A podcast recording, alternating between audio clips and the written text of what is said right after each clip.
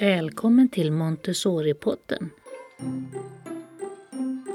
Här diskuterar vi Montessori-pedagogik på längden och på tvären.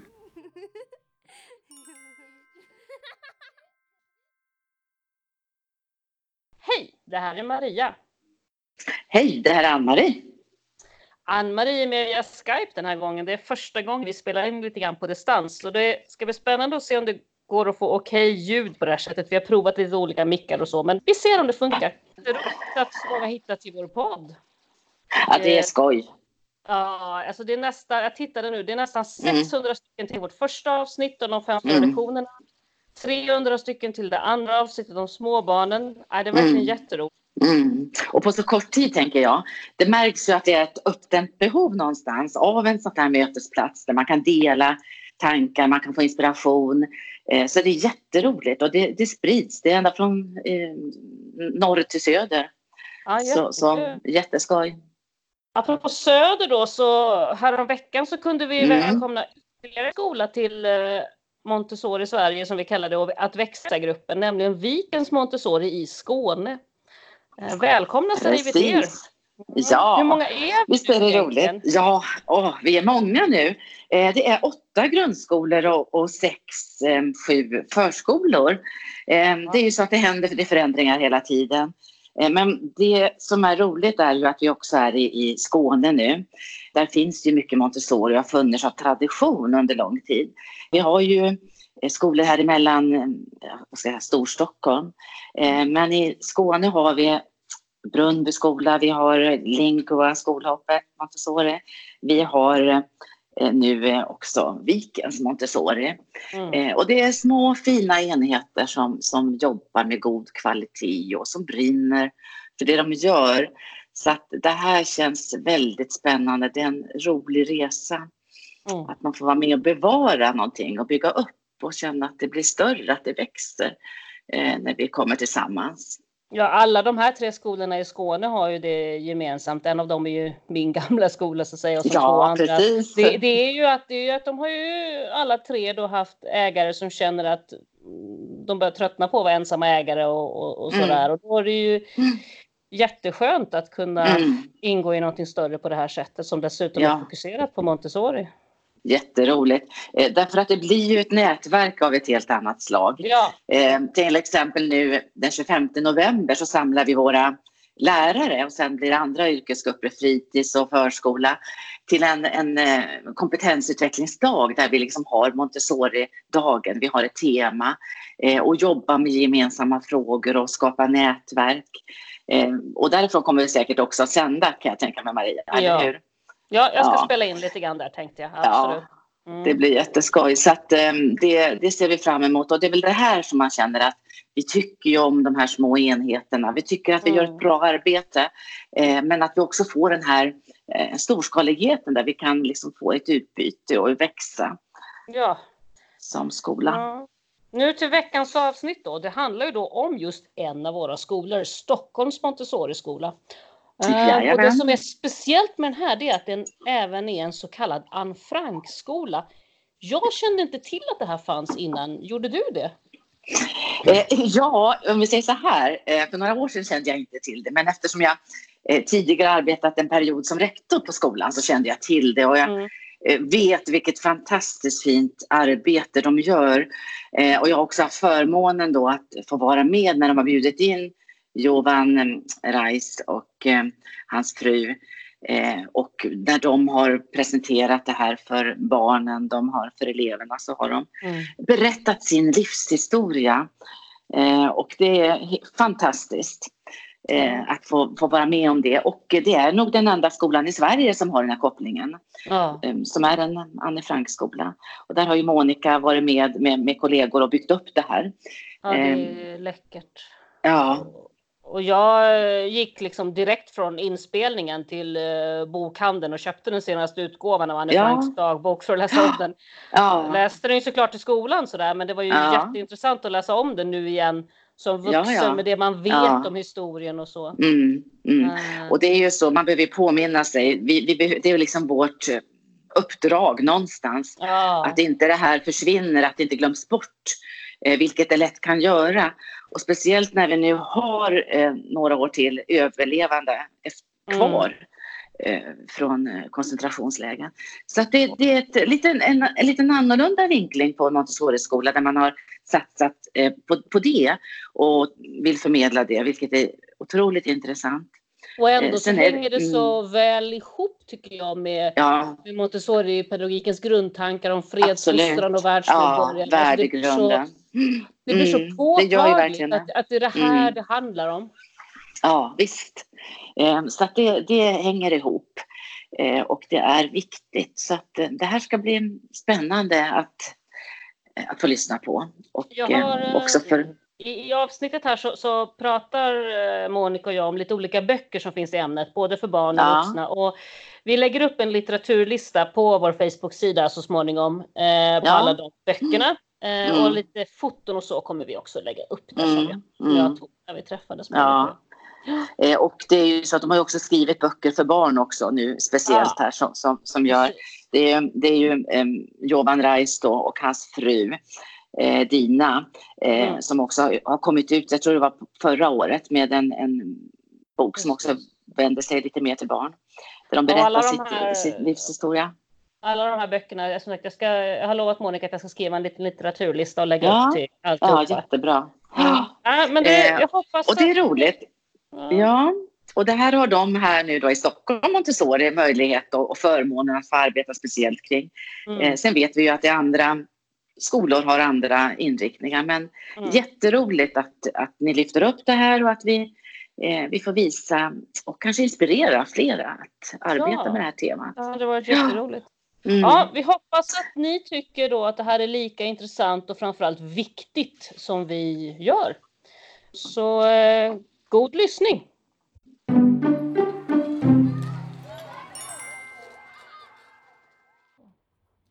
Vi sitter på Stockholms Montessori-skola mm.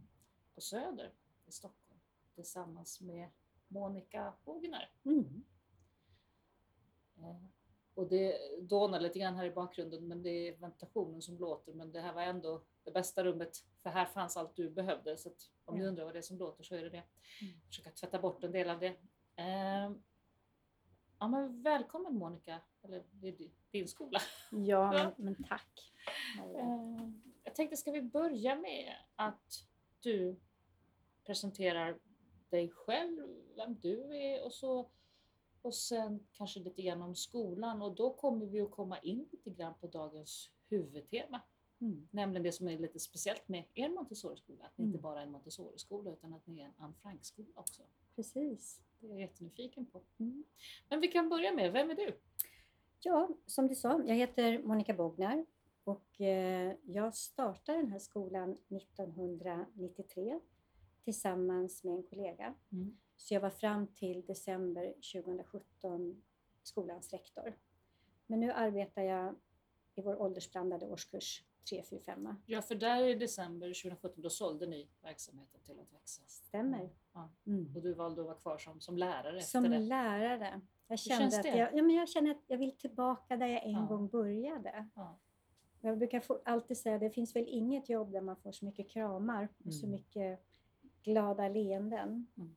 Det är så omedelbar feedback mm. på det man gör. Mm. Så jag älskar att jobba i klassrummet.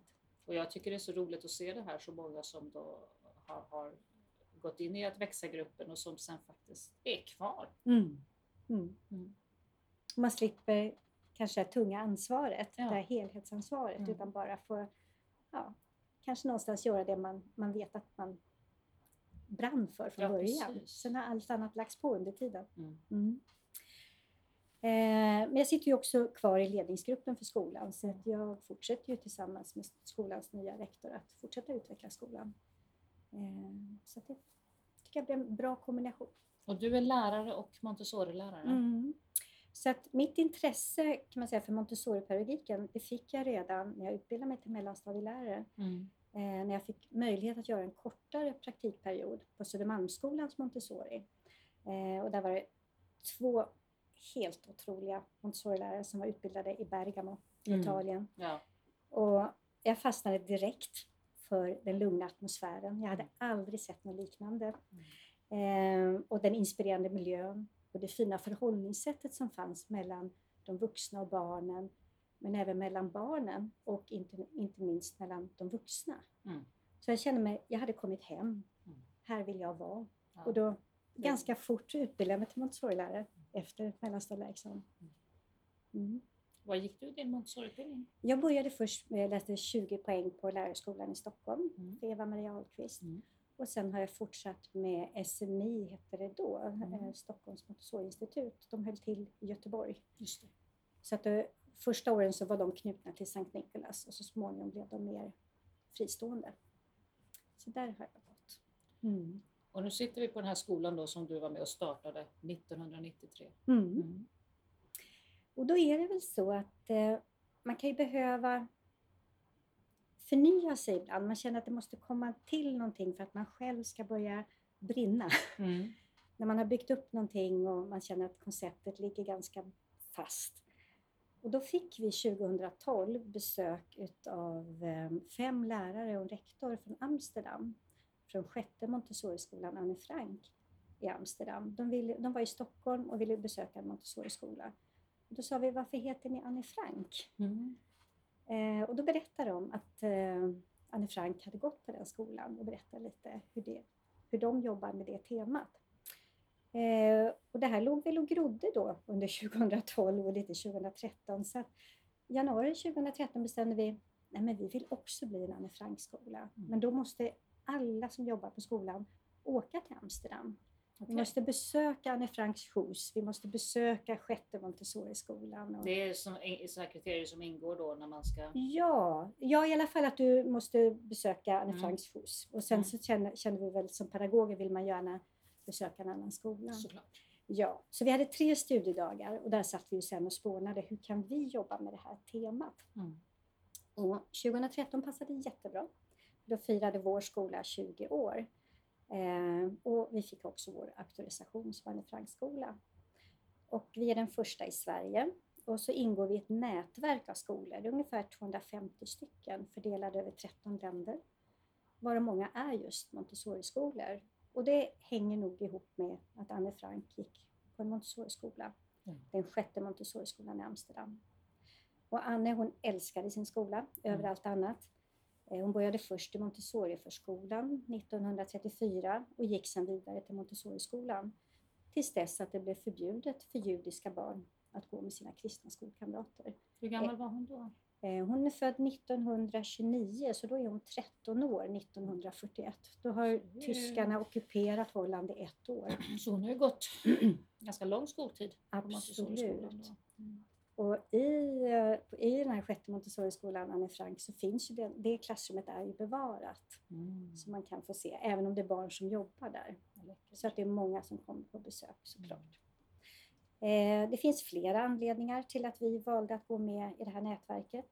Dels för att det i Montessori-pedagogiken redan finns en fredsfostran och det kommer ju av att Maria Montessori själv upplevde två stora världskrig under sin livstid och att krigen och den fascistiska regimen i Italien gjorde henne intresserad av fredsarbete. Det här är ju liksom, som jag uppfattar det, grunden i Montessori-pedagogiken. Absolut. Att, att, nej tack, det här, har vi, det här vill vi inte vara med om mer. Nej, helt rätt.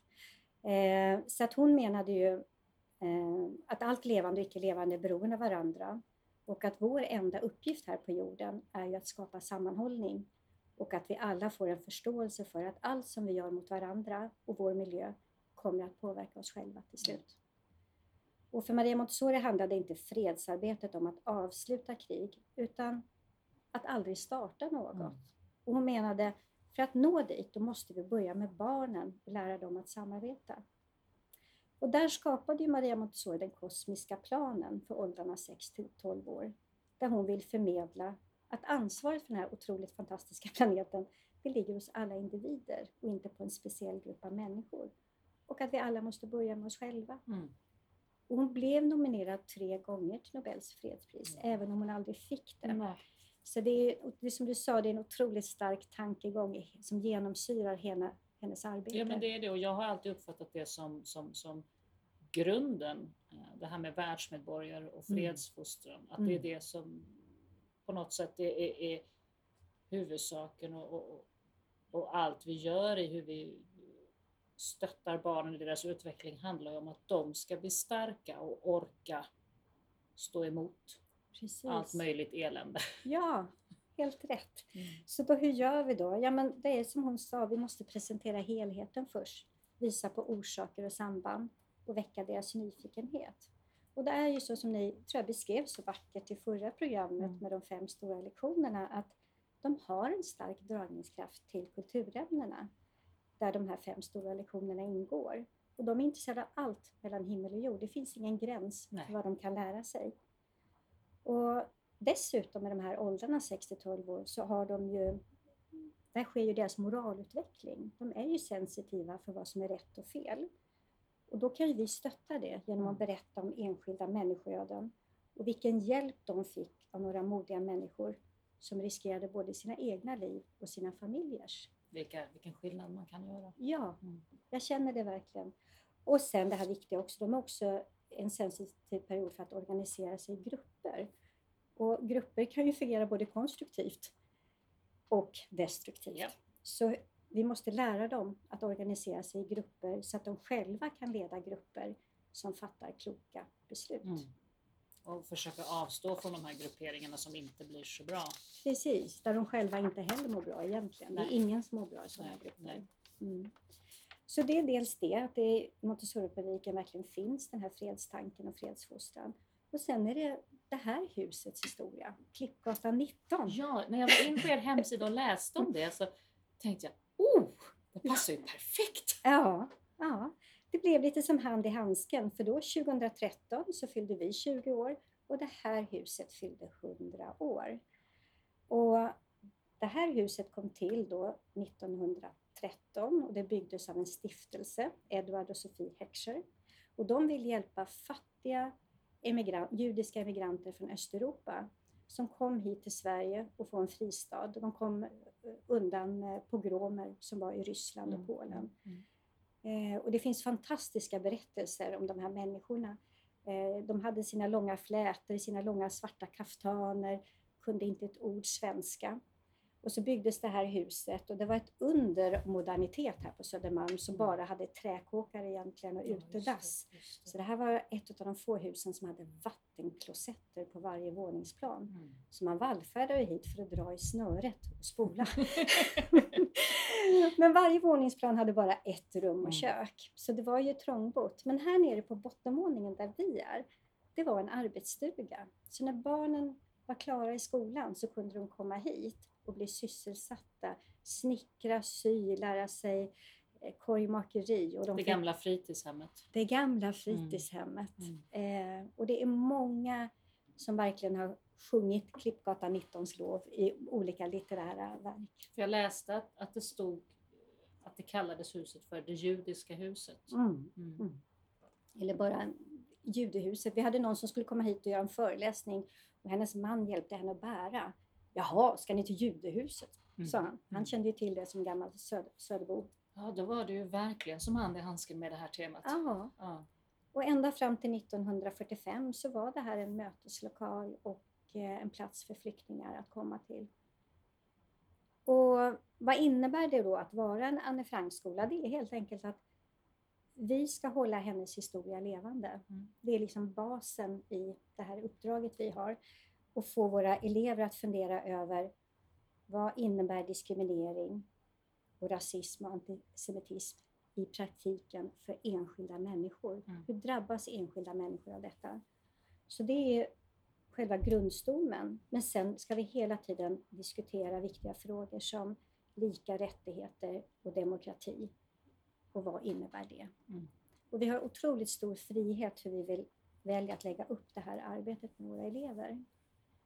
Och, men, men det ni har lagt upp, det ska så att säga godkännas av behö, dem? Eller? Det behövs inte, utan vi skrev och berättade att vi ska naturligtvis berätta hennes historia och att vi ska inspirera våra elever att läsa Anne Franks dagbok. Ehm, och sen att göra en tidslinje, för det fick vi inspiration av mm. när vi var där på Anne Franks hus. Såklart en tidslinje. Ja, ja. Så då börjar vi läsåret eh, för de äldre barnen med en tidslinje där vi berättar familjen Franks historia helt enkelt. Jag ser den här, vi har Monica har lagt ut den här tidslinjen på bordet. Jag tänker, ska ta ett litet kort på den här sen tror jag också. Så lägga upp mm. på vår Facebook-sida så får ni se. För det är mm. fantastiskt. Och här är det en bild från eh, klassrummet, sjätte Montessori-skolan. Där man ser pärlkabinettet. Ja. Och, Vad ja. läckert. Man ser, man ser riktigt pärlkabinett där, där Och hon sitter där i mitten. Ja. Liksom. Och hon har fått väldigt roliga omdömen utav, jag tror jag vet inte om det var skolans rektor. Han sa bland annat om Anne Frank, för hon var som ett kvicksilver. Hon var, hennes föräldrar tyckte hon var så nyfiken och intresserad av allting. Så Montessori måste passa henne jättebra. Kloka eh, föräldrar. Kloka föräldrar, ja. absolut.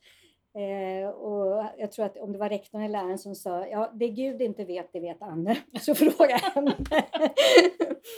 mm. Och jag kan säga att den här tidslinjen är väldigt mycket på mellanstadiet på hösten när vi börjar för att andas in i. Vi brukar först börja egentligen med Maria Montessoris tidslinje. Mm. För jag tänker att det finns många paralleller. Verkligen. Det här med 1900-talets historia, mm. hennes sätt att se på barnet. Och just det här med Montessori-skola, 1933, då stängde man alla Montessori-skolor i Tyskland. Ja. 1934 stängde man dem i Italien. Mm. Så då var Maria Montessori tvungen att fly till Spanien. Ja, och sen var hon tvungen att fly därifrån, kom med ett hangarfartyg till England. Mm.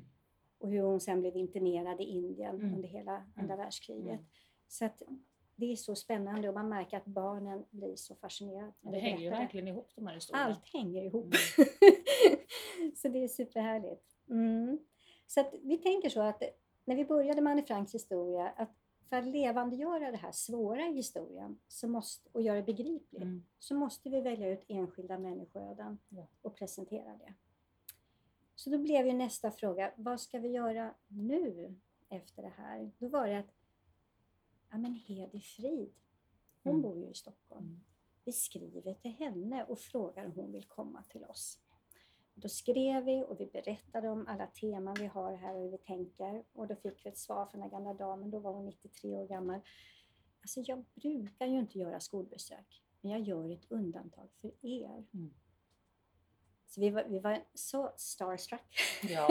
men, och vi var så nervösa ja, ja, innan hon skulle komma. jag har också lyssnat på henne en gång och hon har ju sån fantastisk pondus och, och mjukhet i ett på något sätt. Hon Precis.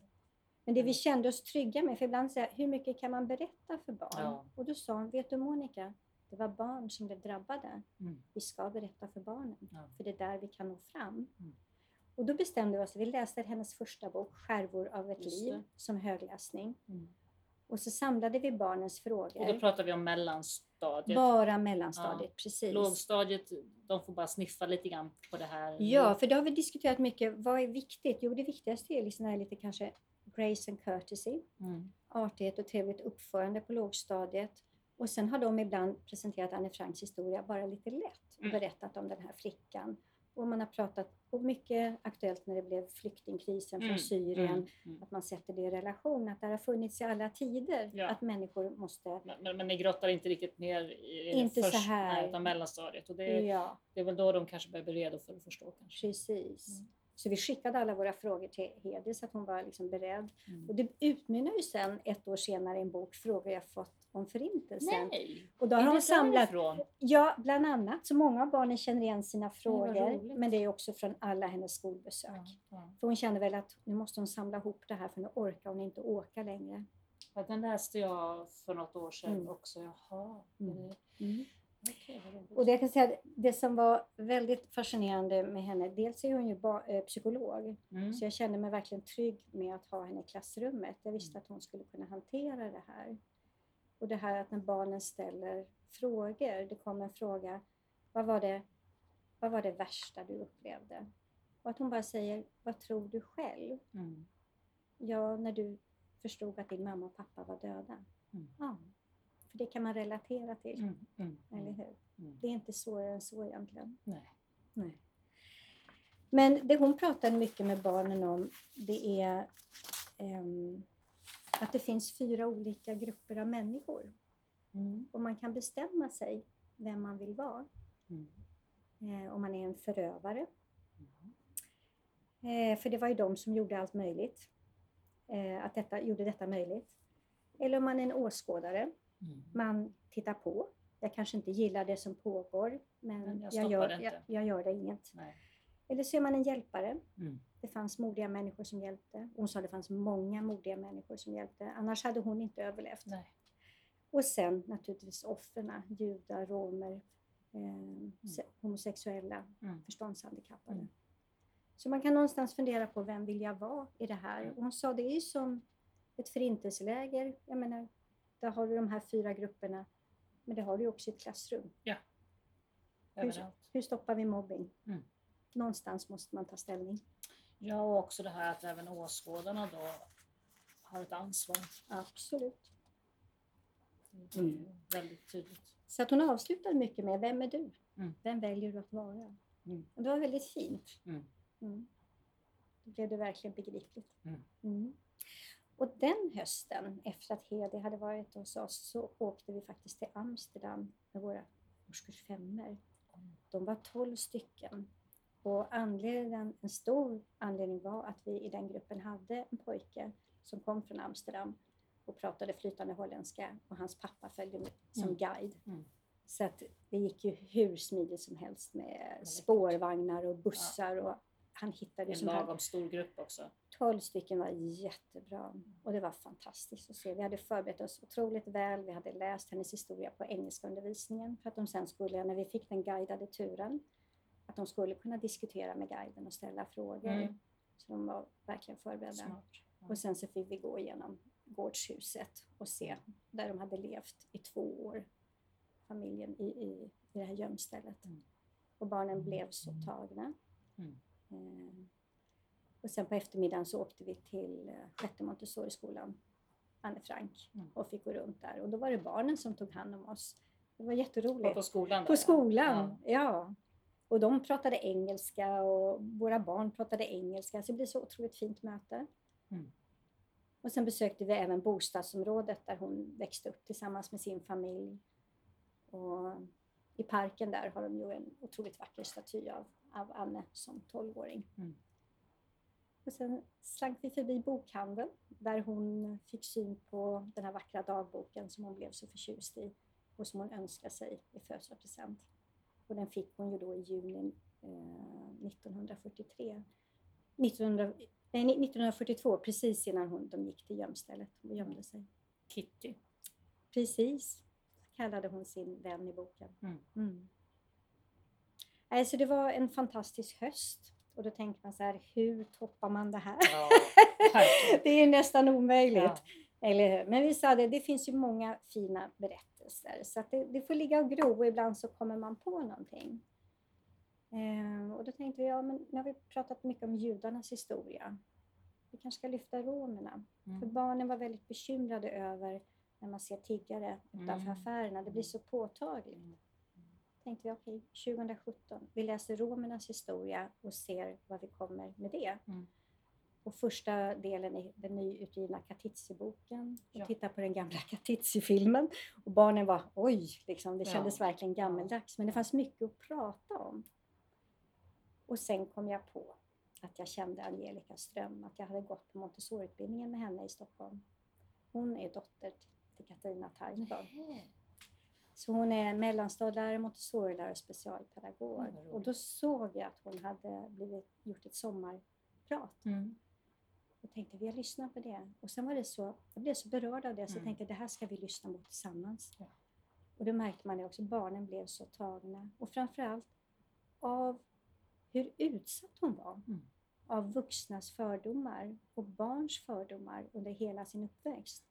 Så att hon kunde gå långa omvägar bara för att visa att hon hörde minsann inte till Katarina Taikon och Rosa Taikon som var så högljudda och hade så färgsprakande kläder. Hon smög i portgångar för att inte bli hopblandad. Mm.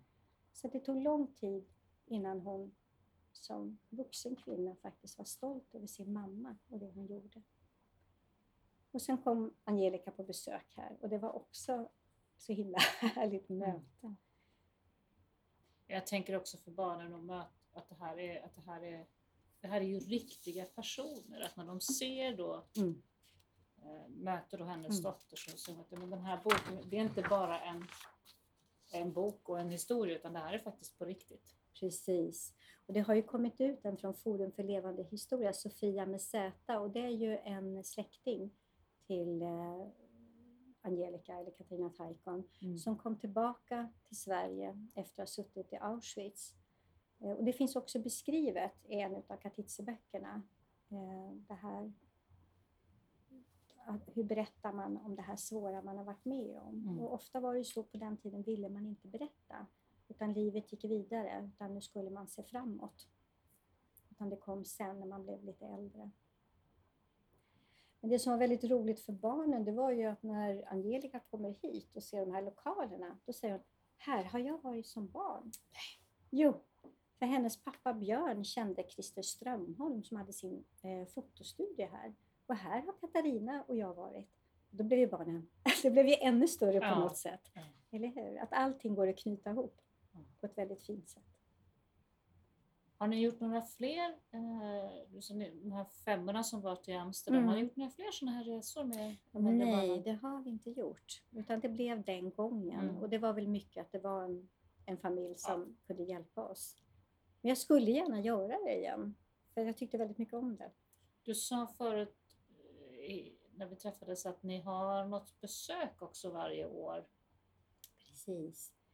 Eh, och i år har vi faktiskt valt att eh, återigen bjuda in de vi hade förra året, 2018. Och det var Dina och Jovan Reis som är också överlevande mm. från koncentrationsläger. Inte Dina, för de eh, flydde från eh, Rumänien, och, nej, från Jugoslavien och hamnade i Budapest. Där gick de, ändrade de sin identitet. Så mm. hela hennes bok en reva hade nätet och där slank jag ut. Handlar om Dina som liten och hur hon blev påverkad att hon fick byta namn. Mm. Hon fick inte heta Dina för det var judiskt. Hon skulle heta Maria. Mm. Det mest kristna namnet ja, som ja, fanns. Ja, hon fick ett kors, ett guldkors som hon skulle bära. Förneka hela sin bakgrund. Förneka hela sin bakgrund. Hon skulle inte prata eh, jugoslaviska utan de skulle prata tyska. Så. Mm. Och då bröt de lite på tyska men det gjorde inte så mycket för man kunde ha olika dialekter. Mm. Så där gick de och det var många gånger det var nära ögat att de blev tagna i Budapest helt enkelt. Så det har hon beskrivit där. Så den boken hade vi som högläsning förra året för tre, fyra och femmor. Och sen läste vi valda delar ur hennes mans Jovans bok Har du träffat Hitler? Mm. Och det är en rolig titel därför att det var den första frågan han fick när han började föreläsa ute på skolor. Liksom någon räckte upp handen. Har du träffat Hitler? Tyckte det var jättefyndigt. Ehm, och det har han såklart inte. Nej. Nej. Mm. Ehm. Men de kommer hit och träffar föräldrarna men också barnen. Precis, för vi tänker så här, nu bor Dina och Jovan här på Södermalm. Mm. De är 80 och 85. Ehm, de var ju barn helt enkelt under eh, andra världskriget. Så vi, Hedi Frid var ju nästan början på vuxenlivet, mm. så att hon är ju lite äldre. Mm. Eh, så att de kommer tillbaka, men då har vi valt att årskurs tre får, får ha högläsning på Dinas bok. Och sen fortsätter vi med fyra och femmor med deras senaste bok, Att återvända till livet. Och det är lite spännande, för den boken kom egentligen till när någon räckte upp handen. En 15-årig flicka räckte upp handen och sa hur blev ni hela? Mm. Och då tänker vilken de att, fråga. Vilken fråga! Och de, och de sa att vi kunde inte svara på den, vi vet inte. Utan då började de gå tillbaka och titta, hur blev vi hela? Hur skapade vi våra nya liv efter att ingenting fanns kvar? Jovan förlorade ju hela sin familj, det var bara han som kom tillbaka mm. till Jugoslavien, till en moster. Eh, och han var ju arg fruktansvärt arg många gånger och tänkte också att man skulle spärra in tyskarna i koncentrationsläger så att de skulle få känna hur det var. Men hur det här så småningom används för att gå vidare, den här kraften. För han mm. tänker om jag överlevde, då måste det finnas, då måste jag göra min familj stolta. Ja. Det måste finnas en mening. Det måste finnas. Jag måste skapa en mening. Och det är nog det de menar. Du måste själv skapa meningen när någonting väldigt svårt har drabbat dig. Mm. Och det var det de såg när de mötte ungdomar både på högstadiegymnasiet som kommer från Syrien, från Libanon mm. eller från Nordafrika som har flytt. Hur skapar man en ny mening? Mm. Ja, och då säger de ganska rakt på, genom hårt arbete. Studera, hårt arbete. Och så brukar Jovan, han är ganska rolig av sig, ögonen sitter på framsidan, man ska se framåt. Mm. Så det var deras råd till de här barnen. Hur brukar... Ni har hållit på med det här hur länge nu? I... Sen 2013, så det är inte så länge, det är bara sex år. Hur, hur, hur reagerar... Har ni haft några jobbiga upplevelser med barnen? Hur reagerar de? Landar, jag tänker barn är ju ofta sådär att de, de tar det så mycket mer naturligt än vad vi kan föreställa oss. Vad händer med mm. barnen? De funderar väldigt mycket, mm. det märker man. Frågorna kan komma långt senare. De kanske smyger och frågar. Det, är inte, det, det här är så... Jag, tror att, jag känner själv att ju mer jag läser om Förintelsen, desto mindre förstår jag hur detta överhuvudtaget var möjligt. Att organisera. Mm. Och också att den här förnekelsen som finns. Mm. Hur kan man förneka någonting som egentligen hela Europa kände till mm. redan i början på 30-talet? när man spärrade in oliktänkande mm. som var emot regimen. Ehm, så det är svårt, eh, men vi, att försöka det, det, jag tror inte att det är någon som har blivit ledsen, att man här ledsen, ledsen. Nej. Men vi har också informerat föräldrarna väldigt noga. Nu är det den här boken vi läser, det är det här besöket vi får. De är vana att prata med barn. Dyker det upp någonting så hör av er. Så ska har vi... ni bara fått positiva reaktioner från föräldrarna?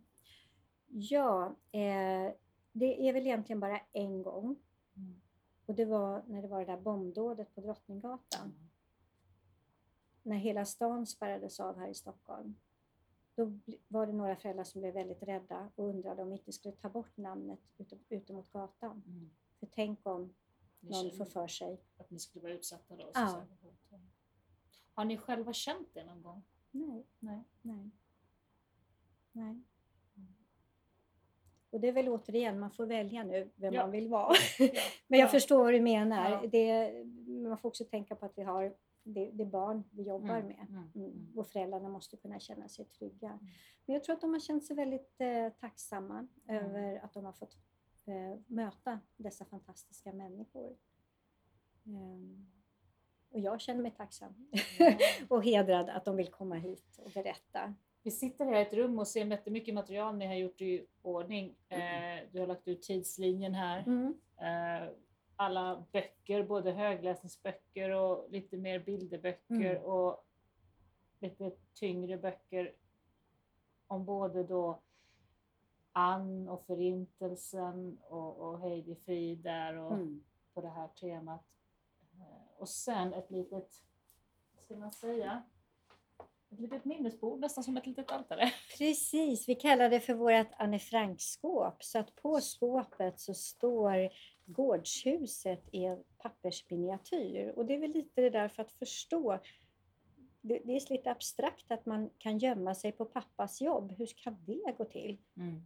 Det förstår vi ju inte. Men när vi var i Amsterdam så såg vi de här smala fasaderna och fick veta då att ju smalare fasaden var ut mot gatan, desto mindre skatt behövde man betala. Så då byggde man ju huset väldigt smalt, men så längre, längre, längre bak. Och det här är ju byggt sedan gammalt då, så då har man ju glömt bort hur husen ser ut där bak mm. egentligen. Mm. Så att det var på så sätt de kunde stänga av den bakre delen som aldrig var under användning när, när hans företag var i den främre delen. Där under ett års tid flyttade de dit möbler och husgeråd och sen då när Annes stora syster Margot får en inkallelseorder, då bestämmer de, imorgon, då smyger vi dit. Mm. Och då fick, kunde de inte ta med sig någonting förutom att Anne som beklagade sig alltid att de fick ta på sig lager på lager med kläder.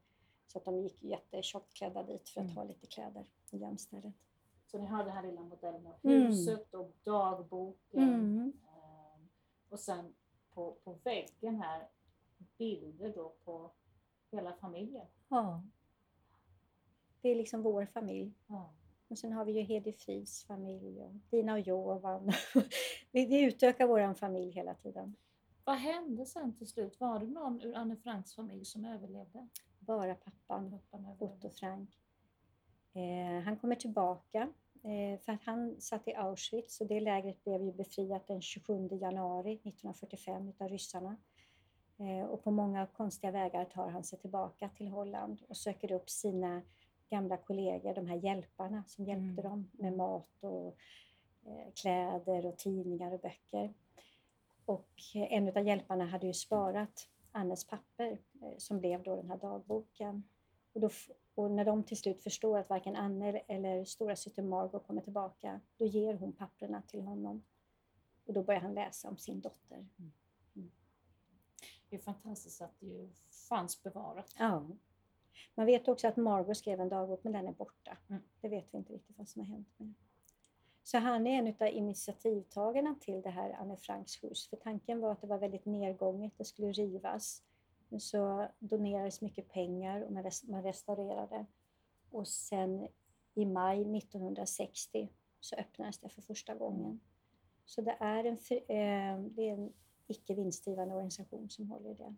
Det här då som håller i den här auktorisationen av Anne Franks skolor, mm. vad är det för förening eller hur går det alltså Man får söka eh, till Anne Franks hus och berätta vilka man är. Okej, så det är Anne Franks hus som ja, håller i detta? Ja, okay.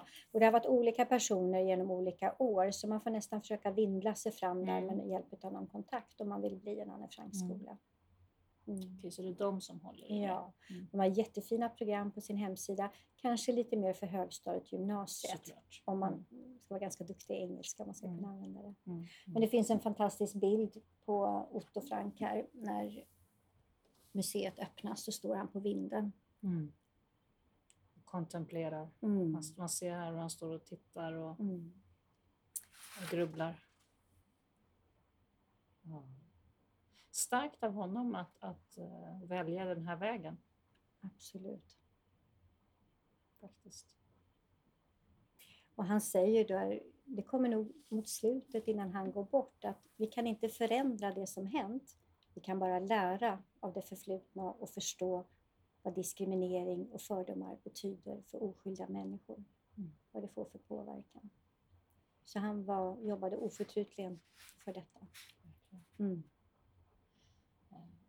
Och det passar ju så oerhört väl ihop på en Montessori-skola. Jag tycker det. Mm. Det känns som vi lyfter det på ett annat sätt, eller hur?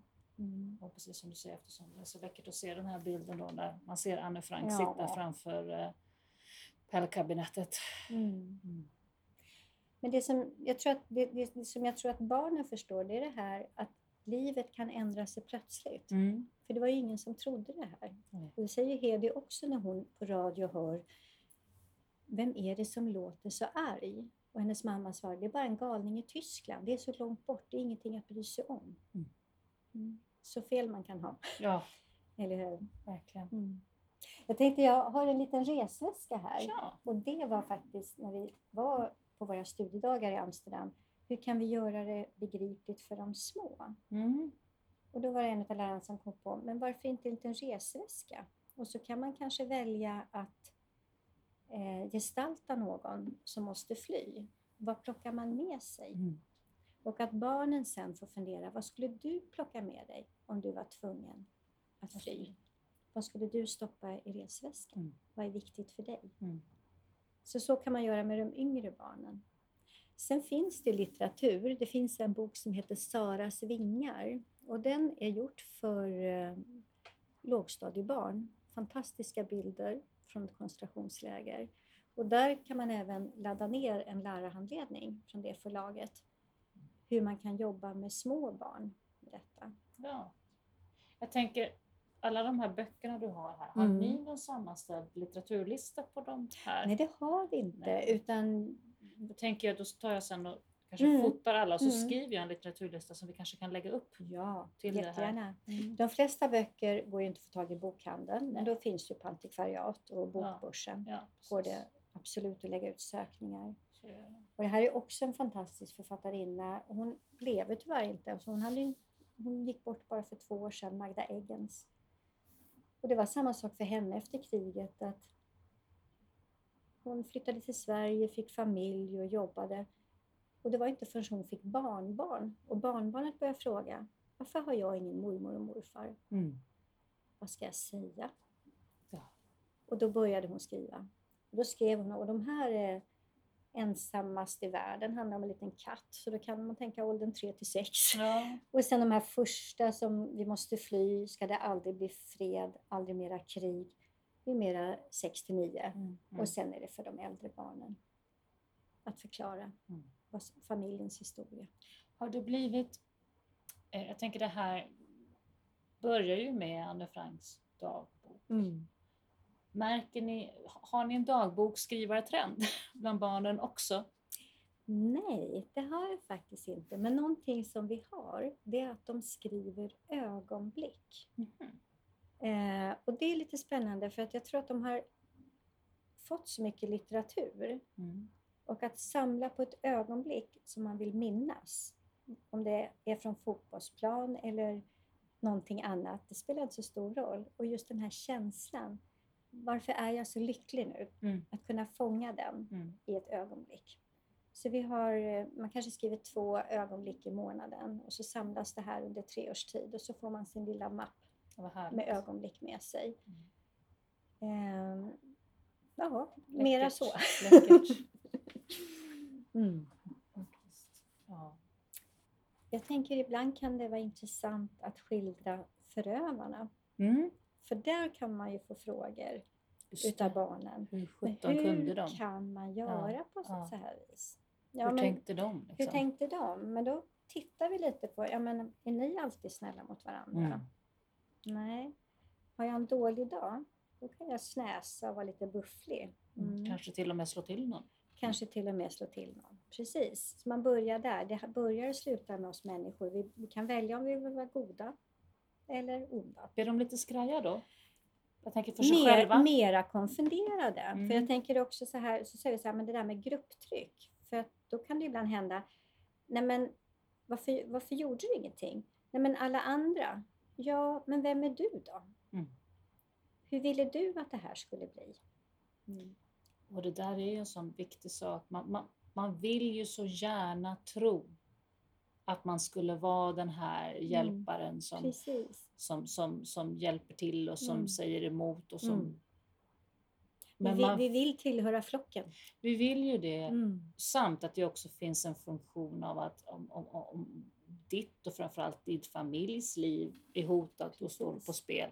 Mm. Då är det ju inte säkert att man härdar ut. Nej, absolut inte. Om de, om de som du har kära är mm. hotade i mm. sammanhanget, då mm. kanske man gör mm. saker som man inte hade gjort annars. Nej. Och man vill ju så gärna tro att man är den där som kan stå emot. Precis. Men det Hedi menade, och även Dina och Jovan, att ju mer vi pratar om det, mm. Desto mer bygger vi upp oss själva och är lite förberedda mm. när vi blir utsatt för saker och ting så vi kan sätta stopp. Kan känna igen att oh, det var det här de pratade ja, om. Precis, mm. för det är lätt att bara hänga på. Mm. Så vi har till exempel sett filmen Pojken i randig pyjamas. Ja, den är fantastisk. Ja, alltså, den är helt otrolig. Men då får man också den här känslan att, att hur, den här vänskapen mm. och hur det slutar så hemskt. Ja, den är otrolig. Eller hur? Ser ni den med mellanstadiebarn? Ja, vi ser den med mellanstadiebarn. Klarar de det? Ja, fyr... den, den, är rätt grym. Ja, alltså. fyra femmor. Mm. Då tar vi bort treorna. Mm. För de mm. känns lite små. Mm. mm. Men barnen är ju små i filmen, det är i samma ålder. Ja, ja. Visst, visst, så det, det, det är det som räddar oss. Då. Pratat om eh, motståndsrörelsen mm. i Tyskland, bland annat med, med de här ungdomarna Hans och Sofie Scholl som mm. startade Den vita rosen, Die Weiße Rose. Och just det här att de var otroligt fascinerade av eh, Hitlerjugend. För man fick ju uniformer, man fick ut och kampa, man sjöng ju lägersånger och man gjorde, berättade. Nästan som lite scouter? Ja, nästan som lite scouter. Mm. Och, de och deras pappa var väldigt skeptisk och sa det här är inte bra. Han var jurist. Eh, eh, han tyckte inte om det. Så det, det, blev mycket diskussioner hemma. Mm. Men de tyckte ja, det här är roligt. Tills dess att deras judiska kamrater inte längre fick vara med. Nej. Då, då blev det liksom en ögonöppnare. Varför inte de? De har ju alltid varit med. Mm. Mm. Och sen hur de startade sin motståndsrörelse. Och de, de fick ju plikta med sitt liv. Som unga hur, människor. hur gick diskussionerna med barnen? Jag tänker där i samband med hösten 2015 och flyktingvågen och, och, de diskussioner som har varit efter det. Har barnen själva gjort några intressanta funderingar och kopplingar här? Eller hur har, har det påverkat diskussionerna någonting? Egentligen inte. Eh, jag vet att många föräldrar engagerade sig. Mm. Eh, så att då har barnen berättat det, hur de har öppnat upp. De kanske haft en samlingslokal i sitt hus mm. och att man har öppnat upp och skapade mm, sängar mm. och skänkte kläder. Så att man hade några som man tog hand om i sitt bostadshus helt enkelt. Så det ville de gärna berätta. Mm. Eh, och sen var det väl någon förälder som undrade om inte vi kunde här på skolan. Och det är liksom så här, idealister kunde ta hand om en flyktingfamilj här. Mm. Och då känns det att ja, det här krävs ett personligt engagemang. Alltså det, det, det är återigen det Maria Montessori sa. Mm. Det handlar om att varje människa tar ett ansvar. Mm. Inte att man lämnar över det till en organisation. Nej, och vi har ju ett lite annat uppdrag mm. som mm. skola. Mm. Men om föräldrarna vill engagera sig personligen eller om jag privat gör det, mm. då är det en annan sak. Men man märkte väl att barnen var otroligt engagerade och just att de kunde samla in saker. Sen har det väl lite ebbat ut nu. På något ja. sätt. Och det är väl det som är lite fantastiskt med det här huset. För vi hade ju Ricky Neumann som kom och berättade. Hans morföräldrar bodde ju här. Eh, och då var de fyra barn och två vuxna i ett rum och kök. Mm. Men alla hjälptes åt. Han sa det mest lyckade integrationsprojektet han någonsin hört talas om är det här huset. För det gick bra för alla. Mm. Fast de, några var analfabeter, hade aldrig gått i skola. Barnen gick i skola, de blev väl omhändertagna här på bottenvåningen. Man fick prata jiddisch, man kunde hjälpa varandra. Uppe på vinden, där hade man, fast det var olagligt, bassänger med karpfisk som man sålde illegalt. Bryggde öl, sålde också illegalt. Hade lite höns. Och så jäste man surkål. Och som man lånade av varandra mm. och stöttade mm. varandra. Mm. det är underbart. Eller hur? Tack så jättemycket Monica ja, men tack för att du har berättat. Ja. Eh, jättehärligt. Jag ska mm. ta lite bilder på lite saker här det också som vi får lägga göra. ut. Ja. Jättehäftigt allt det här som man ser. Mm. mm. Så hoppas jag att vi blir fler Anne Frank-skolor ja. i Sverige. Det. det hade ju verkligen varit jätteroligt. Mm. Och det är till Anne Franks hus då i Amsterdam ja. som man vänder sig? Ja, mm. det gör man. man kan, de har en jättefin hemsida mm. så tar man kontakt där så får man, blir man vidare slussad. Ja, vad roligt. Mm. Tack så mycket. Tack. Tack.